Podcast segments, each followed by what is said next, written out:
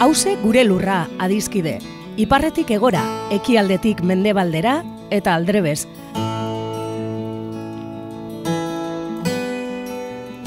Lurra bakarra dugu edo gaituen lur bakarra da hause.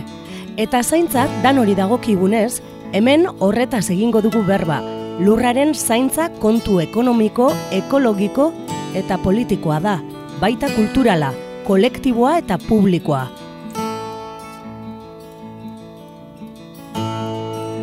Ekopol taldeko Iñaki Bartenak eta Josu Larrinagak hause gure lurraren zaintzak dituen ataka eta kontu importantei buruz hitz egingo digute. Lurrosoaren erasoak ezin garaitu zezakeen hiri bat ikusi nuen ametxetan. Entzuleok agurtardi Bilbo hiri irratian gaude, hauze gure lurra irratza joan eta Iñaki Barzena, zientzia politikoetako irakaslea EHUn, badaukagu gurekin eta abertze gai uste dut mikologikoa ekartzen duzula gaur Iñaki. Bai, bueno, ba, hasi gara bizitza zaintzen ikasi, bueno, edo bizitzaren babes bila eta izaki bizidunen zaintza lortzeko azterketa bat, hasi ginen onjoekin, gero landarekin, eta gaur bai bueltatu gara perretxikoen gunera. E, duela gutxi oparitu zidaten, liburu oso interesgarri bat, mundu amaieraren sisa, ez? La, la seta del fin del mundo, Kapitan Swinen arkitetatokoa.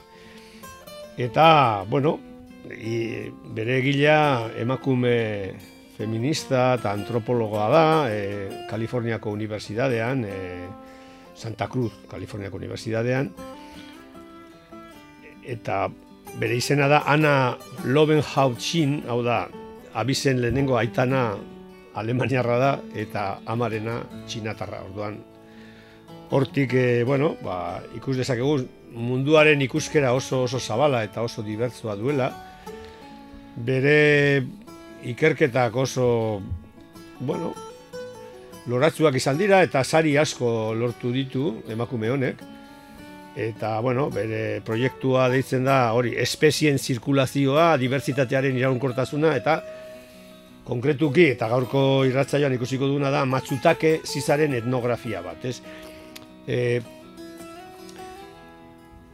han, eh, han eh, Lobenhaupt bueno, Ana, parkatu, eh, Ana Txin eh, ezaguna horrela e, abizen txinatarrarekin da ba, beste emakume universitario akademiko feminista oso famatu batekin Dona Haraway bat honekin, Dona Haraway zoologoa da eta filosofo feminista. Hauek e, planteatzen dute antropozeno baino gehiago erabili beharko gendula plantation zeno, plantation zeno, plantazion zeno, bueno, hau da, e, ez dugula enfasi ipini behar e, gizakiok sortu dugun trizkantza e, ekologikoetan, hau da lurraren erabileran edo planetaren eraldaketan, ekosistematan, bionastuzunean sortu ditugun kalteak, espezien bizitzan ere bai, baizik eta, bueno, hori modu e, asimetriko batean izan dela eta e, badaude, badaude beste mm, modu batzuk, e, gizaki guztiek ez dute, ez dute berdin eragin gure planetaren sortu dizkigun kalteak eta mm, antropozenoaren jatorria hauek ikusten dute amazigarren mendetik aurrera e, Espainiatik eta Portugaletik Europara eramaten dan e, e, nekazaritzaren eredu plantazionista horrekin, ez? Eredu hori, eredu hori e, oinarrituta dago, ba, esklabotzan, merkataritza globalizatu batean eta eten gabeko indarkeria arrazalizatuan, arrazalizatuan, hau da, bueno, kolonialismo. Eta hortik, hortik, e, hasi izan gizakien eta gizakiak ez direnen arteko ba, bueno, e, separazio hori eta bueno, e, hauen arabera gizakiek ere egindako ingurumen erronken garai honetan giza histori, giza historiak, hau da, gizakio sortutakoak eta gizakiek ez direnen arteko ikerketa erroken multzo beran, berean sartu behar ditugu, eta horrela ikusi e, nola, abiat, nola abiatu behar garen e, hori nola ditugun, ditugun erronka horiek e, bueno, ba, soluzionatzera, ez? Eta hor agertzen da matxutakea. Matxutakea da hitz japondarra, matxutake, badago hemen erabiltzen dugun beste e, beste perretziko e, asiatikoa da shitake, ez? Bueno, pues, e, e, matxutake esan edu e, onjo eta pinua, beti agertzen da, e, hau da, trikoloma matxutake da, edo trikoloma nauseosun, e, suediarrek, suediarrentzak, e, mikologo suediarrentzak, usaitzarreko perretziko bada, baina aldiz japondarrek esate dute bere usaina mm, dala, dala, ez? Bueno, hori ikusteko e, kulturalki zer desberdinak garen, ez? Batzuentzat, zibilizazio edo kultura batzuentzat, ba, trikoloma matxutake hau da, mm, ba, e, udagoieneko edo u, e, zera, udazkeneko ba, odore edo, edo usain zoragarria eta beste batzuen ez da horrela. Ez. Japonian, perretziko hau da, da onjo hau da mm, delikatesen bat, urre zuria deitzen diote, eta, bueno, e, kuriosoa da, e, emakume honek, antzin honek egiten du ikerketa bat, eta ikusten du, nola, oregoneko mendietan, kuriosoa da, e, perretziko hau, sisa hau, trikoloma mautzutake hau, sortzen da e, baso ustiatu eta eta abandonatuetan. Hau da, ustiak eta basoen ustiak eta eskor bat edo industrial bat txartu egin denean, adibidez horregonen, hor sortzen dira e, pinus densiflora hoiek eta eta pinu hoietan ateatzen da perretziko hau. Oso persiatu dana e, Japonian. Edo, bueno, baita ere, Txinan, Asian, Laos, Kamboyan. Orduan, e, estatu batuetan bizi diren kultura asiatiko horiek, bigarren mundu gerratik eta gero joan dako ara, batez ere, ba, kolaboratzaile militarrak izan direna, ez, adibidez Vietnameko gerran, ba, ba, estatu batuetako ejestuekin, ba, hoiek batzen dute pretziko hau, e, e, kate baten bitartez eramaten dituzte Seattleen bitartez Japoniara eta oso oso garestiak dira eta e, oso negozio handia sortzen da. Baina Ana Zing honek planteatzen duen asuntua da, bueno, nola az daiteke perretxiko baliotzu hau e, alde zaurretik desforestetutako eremuetan. E, Seizak imotak lortzen dute ondakin hoietan bizitzea eta errekuperatzea, ez? Hori da, e, berak lotu nahi duena, alde batetik Japonian jaki desiratua, o presio astronomikoa lortzen dituena, e, nola elkartzen dan, e, hori, e, munduko beste zonaldetan e, perretxikoa bilatzen dana, ba, beste parametroetan egiten da, ez? Eta horregaitik deitzen dio mundu amaierako perretxikoa. Da perretxiko bat, e, nolabait zibilizazio industrialak egindako kalteak eta gero agertzen dana, baina leku batzutan mm, presiatua da eta orduan bere historia etnografiko horretan agertzen dira Japoniako gurmetak, merkatariak, mon borrokalariak, mon dira laoseko bueno, etnia bat e, Ipar-Amerikako ejerzituarekin kolaboratu zuena Vietnamiten kontra, Laos eta Kamboyako gerran, Oregoneko baso industrialen ondamendia, gero baita ere Eskandinavia eta Finlandiako, bueno, natur gidariak, e, perretzik horrekin baliatzen direnak, dana, ez? Eta orduan, zeintzu dira liburu hauen irakaspenak? Bueno, ba, berak planteatzen du, ba, munduko onjo bilatuenetaiko bat ikertuz, zuntzipen kapitalista eta elkarlaneko biziropenerako arteko harreman bat e, egon daitekela, ez? Eta berak esaten du, imagina dezagun kapitalismoaren ondakinetan bizitzeko arte bat e, arte berri bat sortzen dugula, ez? Eta hartzen du Japoniako poeta baten bertso bat, esan ez, zer egiten duzu zure mundua ondatzen hasten denean. Ba, ni paseatzera egiten naiz, eta sorte handia badut, perretxiko bat, edo beste, aurkitzen badut, primeran. Ez? Hori da, antropologoa honek e, daukan ikuspegi positiboa edo batzuk esaten dutenaren kontra, e, Oregoneko baso desforestatuetan Asiako emigranteak onjoak bilatzen dutela, eta horrek zientzia eta bizitzaren arteko beste begirada bat e, posible dela, eta horrek erakusten du zientzia ez dela e, batzuk nahi duten gauza universala, e, eta berak esaten du zientziak itzulpen postkolonial gisa funtzionatzen funtzionatu behar du, hm? ulertzen nondi gatozen eta noragoa zen. Eta, bueno, aztertzen du, han e, Oregoneko berak deitzen du bilete edo diru paper irekia, ez? Hori da niri liburutik gutxien gustatzen zaidan asuntua. Nola, nola interpretatzen duen e, perretxiko biltzaile horiek merkatariak eta gero ba, e, Japoniara eramatu dutenean, ara, Japonian bebai daude merkatari oso, oso, oso potenteak, baina gero Japoniako klase altuko gorbete egin batez ia ia opari moduan, ez? Orduan, berak ikusten du horretan, bai hasieran Oregoneko menditan ibiltzen diren horiek, nolabait, e, merkatu ekonomiatik kanpo bizi direla, e, basoetan, eta gero bilatzen du esanez, bueno, Japonian bebai hau da, opari moduko gauza bat, e, ekonomia, merkataritza ekonomiatik kanpo.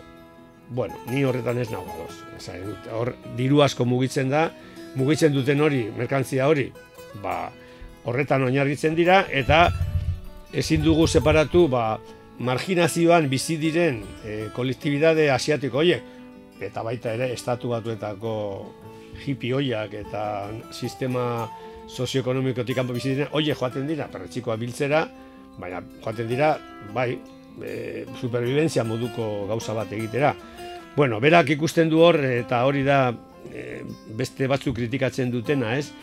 salto egiten duela, jausi bat egiten duela, marxismotik e, baikortasun utopikora esanez badaudela zirrikitu batzuk e, ekonomia kapitalistatik kanpo eta hau da adibide bat. Bueno. Azkenean berak esaten du, e, eta horrela dio, ekonomia ekologiara edo alderantziz murresteari uko egiten dio dan arren, ekonomia eta ingurumenaren arteko lotura badago, eta dirudienez garrantzitsua da hori sartzea eta aberastasunaren giza konzentrazioaren historia, kapitalismoaren historia, gizakiak eta gizakiak ez direnen arteko inbertsio baleabide utz bihurtu dela konturatzea, ez? Orduan, e, azken finean, berak dio, matxutakek, e, irakaz e, izagukeen e, galderari erantzunez, onjo honek, bere beste zenide batzuek bezala, e, irudimena leherrarazteko aukera ematen duela, eta, bueno, ba, gizakiok sortutako baso ondakinen atzetik sortzen den perretziko honek adierazten du kapitalismoaren alternatibak sortu daitezkela, ez? Hor baikortasun puntu badago eta berak esaten du e, ulertu behar dugula historio hau e, gizakiok eta matzutake edo pinu edo nola, espezie e, desberdinen arteko elkar kolaborazioan oinarrituz hor dagoela bai itxaropen zientifiko bat, baina baita ere biziopenerako ba, ba, ba, leio ireki bat, ez? Bueno, hori niri asko gustatu zait eta eta gomendatzen dut eh, jendea ba hori eh, eh, nik eh, liburu eh, jaso nuenean eta eskuartean hasi nintzenean pentsatzen nuen eh, mundu bukaera edo mundu abeierako perretzikoa izango zala perretziko atomikoa, ez? Hiroshima eta Nagasaki nik izan nuena, baina ez doa hortik. E, matxutake benetan da ez Euskal Herrian, baina Eskandinavian edo Iparra Amerikan edo Korean edo Japonen edo Asian topa daiteken perretxiko benetako bat eta antza nik ez du probatu gozoa dena. Bueno, Iñaki, ekarri, honek ekarri dit eh, gogora, orain dela urte batzuk e, nire zuiak, e, Hilari Zabala, Alonso Diko perretxikoen gurua izan den urte askotan oparitu zigula e, liburu bat, bueno, bi, bi, bi tomo dira, bi liburu kote dira e, ba, Euskal Herriko eta inguruko e, ziza guztien gida bat antza oso oso prestigiotsua, ez, ez du goratzen e, mikologoen izenak, baina bai goratzen dut, eta nire ustez e, badatorarira, e, bueno, berak esaten zigun oso komplikatua zela liburu horiek lortzea, baina lortu zituela azkenean hori alebana guretzako, eta, bueno, promotorea edo editorea iberdolola zen, ez da, dinot, horretatik, eh, da, interesgarria, eta hori, goratzen naiz, e, sarreran edo, mikologoiek esaten dutela, zizen mundua, badela, eurek deitzen zutela, kaosaren erresuma, erresuma zentsu tasonomikoan, ez da, ez badago e, landaren erresuma, badago animalien erresuma, eta gero dago kaosaren erresuma, esaten zuten, ze ez dagoelako jakiterik, ez dagoelako gobernatzerik nolabait e, zizen produkzioa, ez da, e, e, zentsu horretan, e, esan duzunean, hazik eran, e, e, jaraguai eta honek jartzen dutela nolabait hori plantazioaren ekonomia alde batetik eta beste alde batetik e, zizena ez da, ba, klaro, ez dago ez dago zizarik landatzerik apenas, ba, txampiñoiak eta beste batzuk kenduta ez dago kultibatzerik. E, baina baina horrek eramaten gaitu eta hemen dago iberdrola ere, ekonomia, beste ekonomia kapitalistaren arlo batetara, eta hau da estraktibismoa, ez da? E, hau da, ezin dira landatu, baina bai arrapalatu aldira zizak, eta hori da gaur egun ere gure inguruan askotan e, topatzen den e, zera, ez da? Ba, bueno, nola bait, ziza horiek e, artikulu ekonomiko interesgarria bilakatzen direnean, ba, beti dago jendea nolabait arrapaladan joaten dena eta nolabaiteko estraktibismo eroan e, jausten dena, eta bueno, hor dago ere nola baite ekonomia kapitalistaren e, sorrera eta garapenaren e, e, ba, ezaguarri importante bat, estraktibismoa. Bueno, bai, e, liburu honetan, han Lobenhaut txin honek esaten du munduan e, perretzikoen ekonomia gero tandiagoa dala. Ez, Hau da, ez mazutakeren, mazutakeren kasia oso oso signifikatiboa da, baina batez ere Japon aldean, ba, klase nagusiek goiko elite e, dastatzen dutelako, eta bori, ba, delikatezen bat bezala oso garestia omen da. Batzuetan, e, ba, oregoneko biltzaile pagatzen zaie kilo e, eun euro baino gehiago. Osea, e, erokeri bat, ez?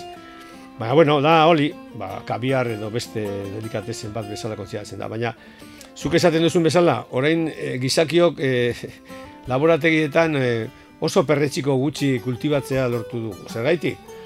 Ba, e, perretxikoek e, behar dute kooperazioa laguntza normalean landara edo zuaiz batena ba, bizializateko. Eta orduan, simbiozi hori, mikorrizazio hori lortzea ez da erresa. Egiten ari da, eh? Eta Iro Landaluz eta beste batzuk adibidez, e, bai, Euskal Herrian, ba, euren baso berrietan, ba, lortu dute, e, onjoen, e, bueno, onjoen mikorrizazioa eta lortzen ari da, baina, bueno, bitike, bitike baldintza oso bereziak izan behar dira. Baina beti, e, proporzio txikietan, e, proporzio lokaletan, eta bar. Eta horrek, e, adirazi nahi du, e, naturaren legeak ezin direla aldatu da, e, onjoak baldin badira, erreinu kaotiko bat, baina goberna gaitza dana, e, onjoen, eta karo, onjoak, gu pentsatzen dugu onjoak direla, bakarrik, e, karpofoa, ez, e, reproduzio esalerako lurretik ateatzen dan organo sexual hori, ez, e, gero esporak botatzen dituena, eta, jangarria dana, ongoak, onjoak daude, txiki txikia mikroskopikoak gure baitan pasan eguneko beste irratsaio baten komentatzen genuen, ez? Gure gorputzaren barnean e, milioika onjoak ditugu eta bizitza e, bizializateko ezinbestekoa ditugu, ez? Beste onjo batzuk adibidez toksikoak izan daitezke eta kaltegarriak eta eta bar, ez? Baina e, onjoen mundu kaotiko horrek adierazten du mm, onjoekin bizitzeko ba, bide lagungarriak ditugula eta baita ere ezin dugula onjoak e, gobernatu nahi dugun erara. Eta estraktibismoan oinarritzen diren e, adibidez, ez? E, ba, Kataluniako enpresari batzuk e, kontrazatzen dituzte Errumaniatik edo Bulgariatik etorritako lagunak eta joaten dira pinudietara eta rastiluekin hasten dira Azten dira, bai, usta horretako edo urte horretako e, e, hauek e, teiagorriak e, e, nikaloak e, ba, kiloka eta kiloka lortzen dute, baina urren gurtuerako razilloiek ba, apurtu dute behien dagoen e, bueno, sare e, mikorritiko hori, mizeli horiek e, kaltetzen dituzte eta urren gurterako e, bueno, e, gauza kalduko dira. Oda, perretzikoak behar du bere ekosistema, eta ekosistema hori kaltetzen baldin baduzu urrengorako ez dago. Da, estraktibismoak baditu bere, bere problematikak eta baita ere hori e, onjoekin argi dago ikusten da. Orduan, gizakiok edo ikasten dugu elkar bizitzen onjoekin eta landarekin edo bestela gure etorkizuna ba, ez da oso ez da oso positiboa izango. Bueno, badirudi kaosa deitz, batzuk kaosa deitzen dutenak dela nolabait naturaren e, eh, komplejotasuna, ez da? Eta hori da, hain zuzen ere ulertu behar duguna beste beste zibilizazio baterantz joateko, beste metafora positibo eta politiko bat e, erabili izan da batzutan e, e, edo zizen munduarekin, errizoma, errizoma ez da, e, Ezea, e, Deleuz eta Guatari filosofo frantziarrek atera zuten e, memoria zari naiz, ba, liburu bat e, Thousand Platters, e, milaka ordokia, nola hor esaten dute, askotan, e, bueno, ba, hori, erantzun alternatiboak eta e, ba, perretxikoak bezala ikusi behar ditugula, ez da, agertzen diren ordoki hoiek edo zuk aipatu dituzun, e, zera, guk zizatzat hartzen duguna, azpitik, lurrazpitik, daukatela errizoma bat, zera, bilbe bat edo sare bat, eta horrela ikusi behar dugula ere nolabait e, askotan esperientzia alternatiboen e, pluraltasuna, ez da, ba, errizoma bat dago lurrazpian, nolabait e, bestelako mundua posible dena esaten duena, eta milaka forma diferentetan agertzen diren e, perretxiko eta zizak dira, gero batzuk jangarria dira, eta beste batzuk ere kaltegarriak izan daitezke, ez da. Bai, bai, hori da, Bai, gure, bai, nire gustorako perretzikoen mundua, mundu kaotiko horrek, mundu komplexu horrek adierazten ditu bizitzaren kontra esanak, ez? Bizitza eta eriotza batera doaz, eta bai, badaude e, perretziko hilgarriak Euskal Herrian, bai, baina, bueno, e, oso gutxi dira, eta, bueno, ba, jakin behar ditugu ba, amanita faloides edo beste amanita Mm, bueno, pozoitzu horiek e, bereizten, baina bestalde batetik ere, claro, e, zein da, eta beste irratxaioetan komentatu dugu, zein da gure zibilizazioaren faktore e, problematikoena, ba, eredu bat eta bakarra, hau da, Davoseko gizona edo BBVA gizon hori dela e, eredu bakarra eta burgez zuria gizonezkoa eta autonomoa izan behar dela. Hori baldin bada bizitzaren gakoa hortik oso jende gutxi, oso, oso e, eredu horiek e, lehiakortasunean eta ukondoka eta eta hilala biziko e, dimentzio violento baten egiten da, eta ikusten duguna da, e, naturaren funtzionamenduan beste gako kolaboratibo, kooperatiboak, simbiotikoak, rizomikoak behar direla. Edo ikasten dugu hori, edo estela, ba, bueno, ba, krisieko sozialarekin batera, ba, hori, azkenengo mundu, bu, mundu bukaerako perretzikoak bihurtuko gara. Ederto Iñaki, eta ze kanta prestatu duzu honekin? Ba, pentsatzen nuen, eta bueno, irakurri dut bebai, e, Hiroshima eta Nagasakiko bomba atomikoen ondorioz, e, bi herrialde horiek zuntzitu zirenean, e, zuntzitatutako paisaian berpiztu zen lehenengo izaki biziduna perretxiko matxutake izan zala. Eta pentsatu, bueno, ba, orduan, ba, perretxiko atomikoari dedikatuko diogu kanta, eta hor dago kanta bat niri diska batena, e, The Clash, Combat Rock horretakoa, eta dizen da Atom Tan. Atom Tan esan nahi du e, moreno atomikoa, eta kanta horrekin bukatuko dugu gaurko saioa. Ederto ba.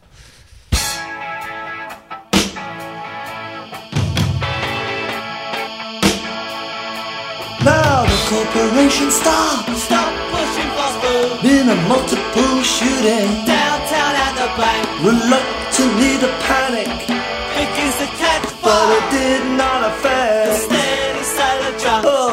Affect. steady silent drum. Oh, the state of his look. It looked like Hollywood. with makeup bleeding. Oh, Over the crack, Whoa, he blew his line. facing the camera. He suffered the first. All life heart attack.